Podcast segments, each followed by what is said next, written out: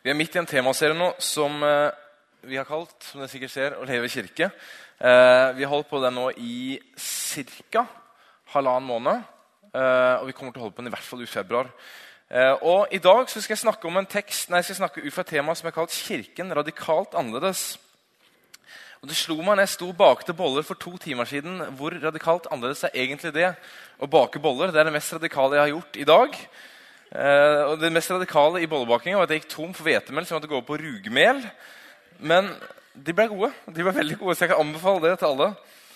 Eh, men når vi snakker om det, og at kirken er radikalt annerledes, så betyr ikke det bare noe for eh, at at, ja, at menigheten, altså at bare at Freda Merena eller Sandekirken eller hva enn det måtte være, at det er den menigheten som skal være annerledes. Hvis dere har fulgt med oss de siste månedene, så vet jeg at det betyr noe for mitt og ditt liv. Fordi Det er ikke sånn at det er et navn som er kirken, men det er bygd opp av mennesker.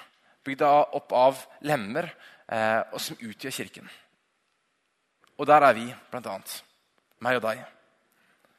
Hvor Kristus er hodet. Francis Scheffer, en stor kristen tenker som døde i 1984, sa dette. En av de største feilene vi gjør mot unge mennesker, er å be dem å være konservative. Kristen tro er ikke konservativ, men revolusjonerende. Å være konservativ i dag er å miste hele poenget. For konservatismen betyr å holde fast på status quo. Og status quo tilhører ikke lenger oss.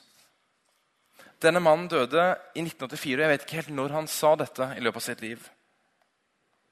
Men jeg vet at det han sa, er i hvert fall like viktig da som det var da. Faktum er det egentlig at kirken i Vesten i all hovedsak mister terreng. Den er på vei tilbake, utenom noen få steder hvor det går framover. Og løsningen er ikke bare å holde fast på alt det vi holdt på, og mure oss inne. Ja, vi skal holde fast på det vi holdt på, men vi skal ikke mure oss inne. Men å leve ut den revolusjonerende kraften som er evangeliet. Når vi leser om den første kirken i Det nye testamentet, så er det ikke først og fremst det at de er konservative, som kjennetegner dem. Men heller kanskje iveren for Jesus, radikaliteten. For fariseerne, som var noen av de som var mest kritiske til Jesus, de var jo dødelig konservative. De var sinnssykt strikse på lover og regler. Men de greip aldri det revolusjonerende budskapet som Jesus kom med. Som kunne sette dem fri. Dette er ikke først og fremst et konservativt budskap. Det er et budskap som forandrer liv.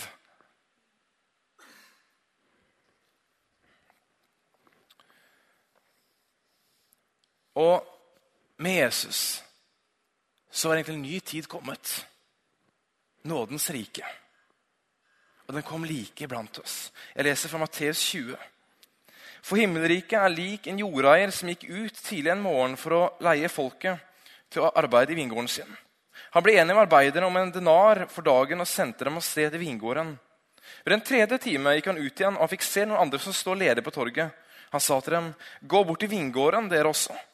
Jeg vil gi dere det som er rett. Og det gikk. Ved den sjette time og ved den niende time gikk han ut og gjorde det samme. Men da han gikk ut den ellevte time, fant han enda noen som sto der. Og Han spurte hvorfor står dere her hele dagen uten arbeide. Fordi ingen har leid oss, svarte han. Svarte de han. Han sa til dem, gå bort til vingården, dere også. Da kvelden kom, sa eieren av vingården til forvalteren, rop inn arbeiderne og la dem få lønnen sin. Begynn med de siste og gå videre til de første. De som var lei da inn i den ellevte time, kom da og fikk én denar hver. Da de første kom fram, ventet de å få mer, men også de fikk én denar. De tok imot dem men murret mot jordeieren og sa, de som kom sist, har bare arbeidet en time, og du stiller dem likt med oss, vi som har båret dagens byrde og hete. Og vendte seg til dem og sa, venn, jeg gjør deg ikke urett. Blir ikke du enig med meg om en denar? Ta ditt og gå. Men jeg vil gi ham som kom sist, det samme som deg. Har ikke jeg lov å gjøre som det jeg vil, det som er mitt? Eller du ser med onde øyne på at jeg er god? Slik skal de første skal, slik skal det siste bli det første, og de første bli det siste.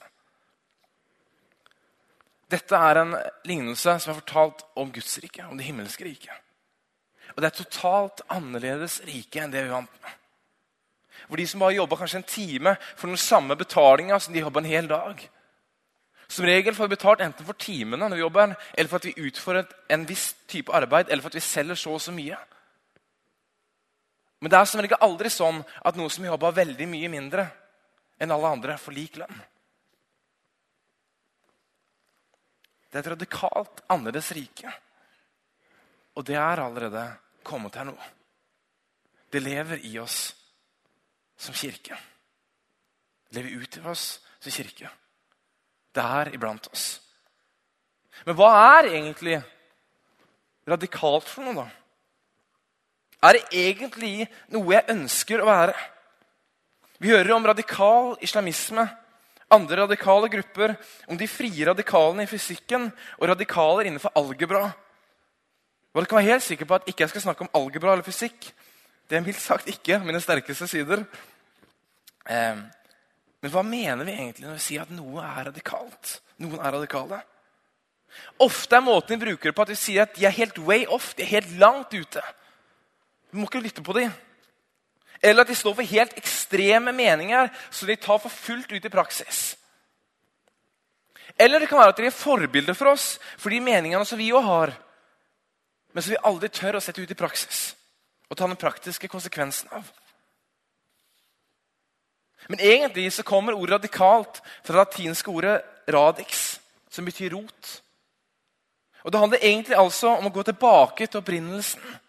Der det startet.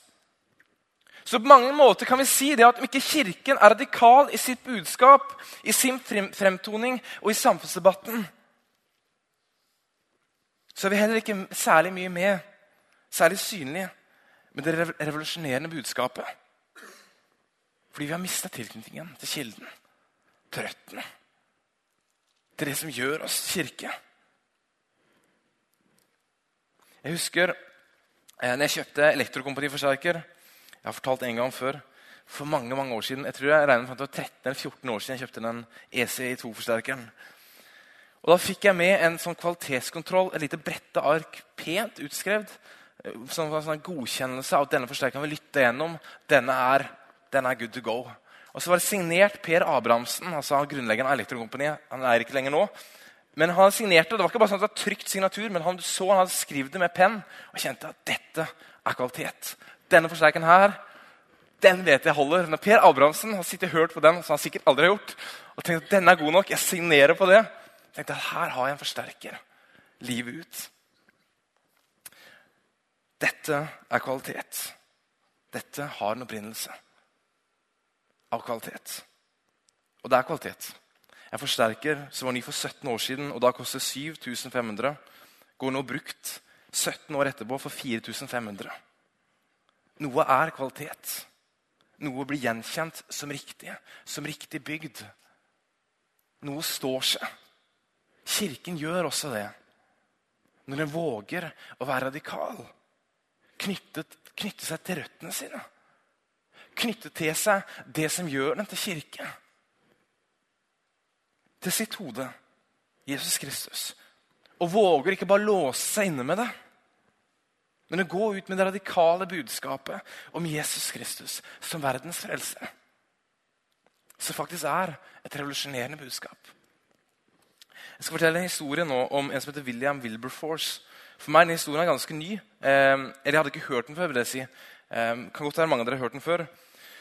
Han ble født i 1759 i Hull i England, nei, England eh, og levde egentlig livet eh, han, han, var ikke så veldig nøye på ting. Eh, han tok det med ro, var avslappa, men etter hvert så kom han inn i det britiske parlamentet. Eh, og Han satt der fra 1780 til 1825.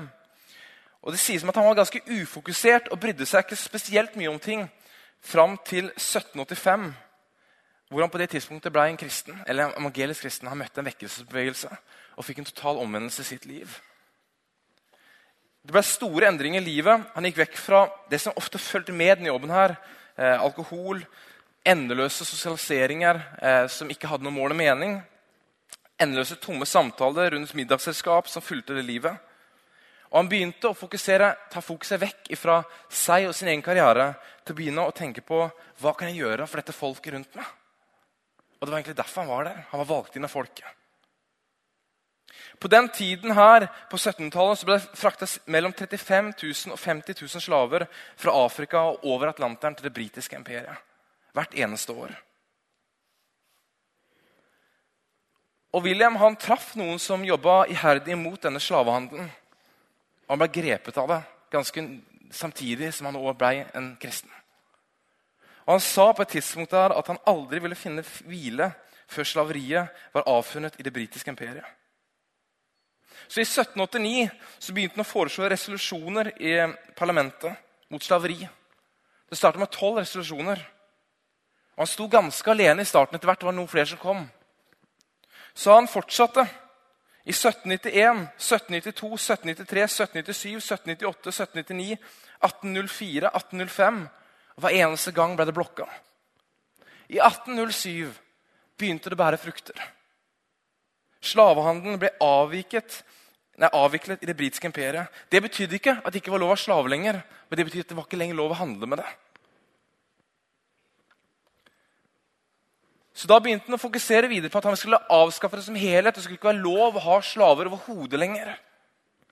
I 1833 hørte han at siste avsnittet av frigjøringen av slaver var sikret i komiteen. Tre dager senere så døde William Wilberforce. Han hadde funnet hvile. Den kampen han hadde stått i, hadde kommet fram. Hva var det teksten sa? De siste skal bli de første. Guds rike fungerer ikke etter menneskelige formler. Wilberforce handlet ut fra Guds rikes formler. Det, her er kristen radikalitet i sin reneste form, fordi den søker tilbake til røttene. Hvem er vi alle i Guds øyne? Jo, alle har en verdi. Ja, Det kan ikke være sånn at noen av oss kan selges som om vi var en vare. Og så seilte den opp med det, år etter år, imot et samfunn og et parlament som var uenig.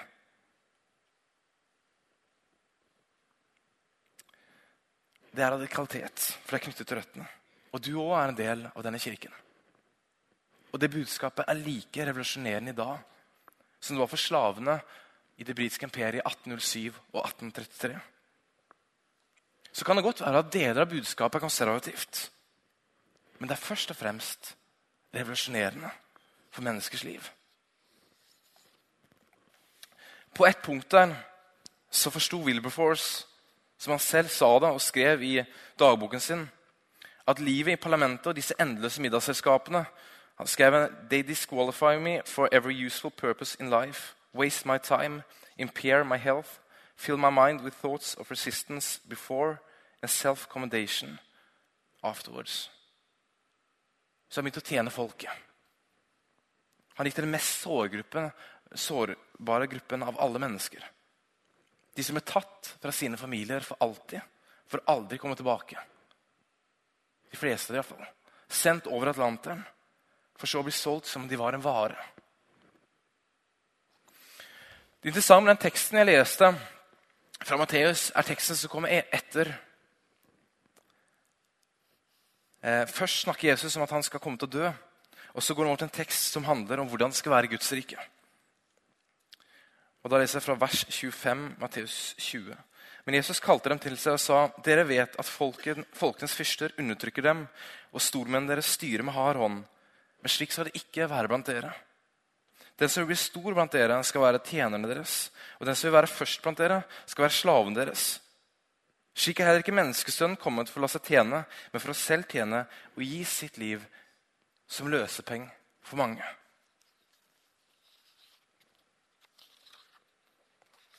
Det er en radikalt annerledes måte å lede mennesker på enn det jeg er vant med i næringslivet. De store lederne. Her skal de største bli de minste og løfte de andre opp. Vaske føttene. Det er annerledes rike, men det er fordi Kirken er radikalt annerledes. Hvis den ikke lenger er det, du og meg, hvor mye lys og salt er den egentlig da? Så hva kan egentlig hjelpe oss på vei da? til hva som virkelig er et menneske, en disippel, en kirke etter himmelrikets premisser? Kan det være dette?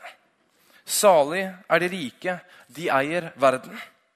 Salig er de som alltid er glade, de trenger ingen trøst. Salig er de selvsikre, de skal innta landet. Salig er de vellykkede og kjente, de skal mettes. Salig er de sosialt kompetente, de trenger ingen barmhjertighet. Salig er de høyt utdannede, de er verdens guder.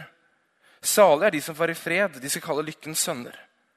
Salig er de som har et fleksibelt syn på rettferdighet, de tar seg fram i verden. Var det særlig radikalt annerledes?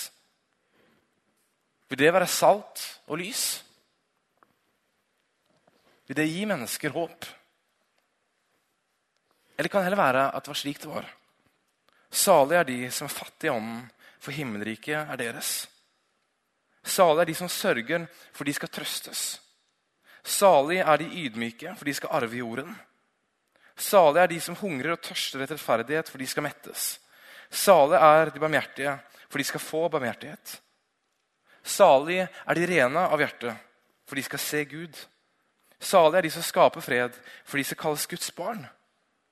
Salig er de som blir fulgt for rettferdighetens skyld, for himmelriket er deres. Ja, salig er dere når, dere for min skyld, de skyld håner forfølger dere, lyver og snakker ondt om dere på alle vis. Gled dere og fry dere, for stor er lønnen dere har i himmelen. Slik forfulgte de også profetene før dere. Kanskje er dette vel så mye en realitetssjekk for oss som pastorer. Jeg leste en blogg av en amerikansk pastor like for helgen hvor han stilte nettopp spørsmålet med at han føler at det bildet av en amerikansk pastor egentlig er bare en bilde av en CEO. Altså en administrerende direktør for en svær bedrift. Og ikke en hyrde som leder mennesker. Det er nok ganske treffende også i Europa. Men hva var Jesus? Var han en CEO, eller var han en hyrde som ledet mennesker? Vi tenker så fort i samme kategori som verden. Som vi ser alle de andre strebe mot. Men kirken er radikalt annerledes. Hvis den første versjonen av saleprisningen som jeg heiv opp på skjermen, var riktig, så skaper vi mennesker som kommer til å bli helt totalt utslitt for alt de må oppnå. For det var en hel haug med ting de må oppnå i livet sitt. Alltid 10 000 mål de må rekke. Du skal hele tiden utvikle deg. Hele tiden bli rikere, hele tiden bli mer vellykket. Det radikale budskapet Kirken står for, er du er mer enn god nok som du er. Og Verdiene som settes høyt, er ikke hele tiden å utvikle seg og bli bedre og bedre, og bedre, men Guds verdier. Og kanskje heller å finne fram til det som betyr mer for mennesker rundt oss. Samfunnet rundt oss. Hva det sto? Salig er de som skaper fred. Salig er de som får fulgt for rettferdighetens skyld. Salig er de som hungrer og tørster etter rettferdighet. Salige er de barmhjertige. Budskapet er og blir revolusjonerende. Det er helt annerledes.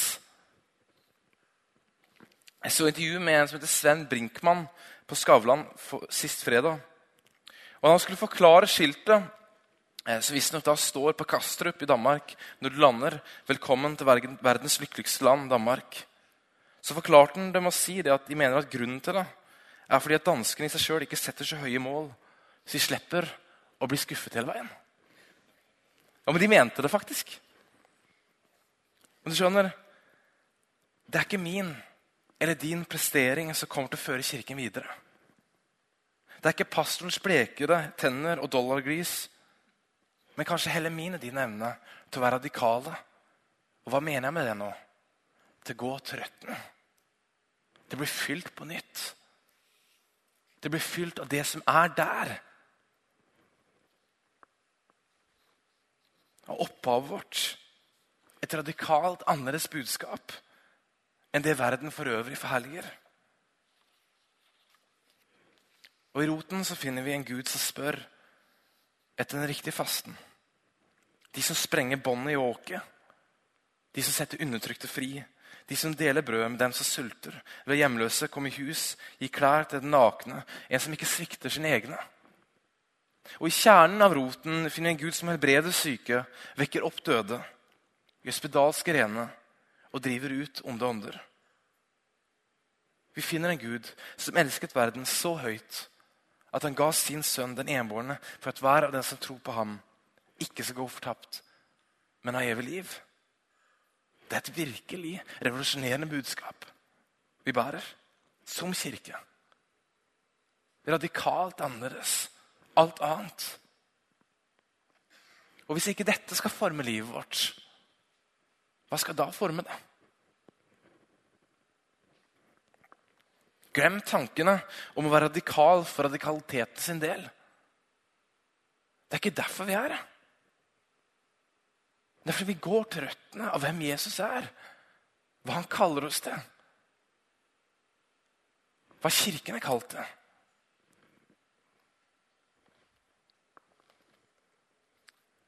Ofte tenker vi at det, det, livet må se sånn og sånn ut. Jeg må gjøre sånn og sånn og sånn. Jeg tror ikke det handler om det i det hele tatt. Men jeg tror det handler om å gå ned til røttene og leve ut Jesuslivet der du er. Wilberforce jo nettopp det. De første fem åra har han sittet i middagsselskaper. Så møtte han Jesus og han forsto at jeg kan faktisk bety noe her jeg er. Og så var han med å endre slave, han var med å avvikle slavepraksisen i England fordi han forsto det. Det handler ikke om å søke ut i ødemarken. enn Jeg har studert det, og jeg synes det er helt topp å lese om. Eh, men det handler om å virkelig forstå hvem Jesus er. Og hva han kan gjøre gjennom livet vårt. Her og nå, der vi er. Hvis vi griper hva radikalitet er, og graver oss ned i ham, og la han få lov å fylle livet vårt Du skjønner, Martin Luther, som er uh, grunnleggeren av den lutherske kirken uh, han, Grunnleggeren høres litt rart ut, men det er jo det. Uh, veldig mange, Når de sier at jeg er en lutheraner, så høres det som at jeg er en lutheraner, jeg står bak Luther. Poenget var at Luther ville aldri bli kalt en lutheraner. Han ville ikke at kirken skulle hete en luthersk kirke. Han ville bli den katolske kirke. Men han klarte ikke det. Fordi han var så opptatt av å leve nær Jesus, og så så han at det var ting her som ikke stemmer overens. Og så ble han skvisa ut. Og så skjedde en reformasjon pga. det. Så Nesten hver eneste gang så skjer det at mennesker dypper seg ned i Jesus. Og så begynner de å leve ut det livet der de er. Og så aner vi ikke konturene av hvordan det vil se ut.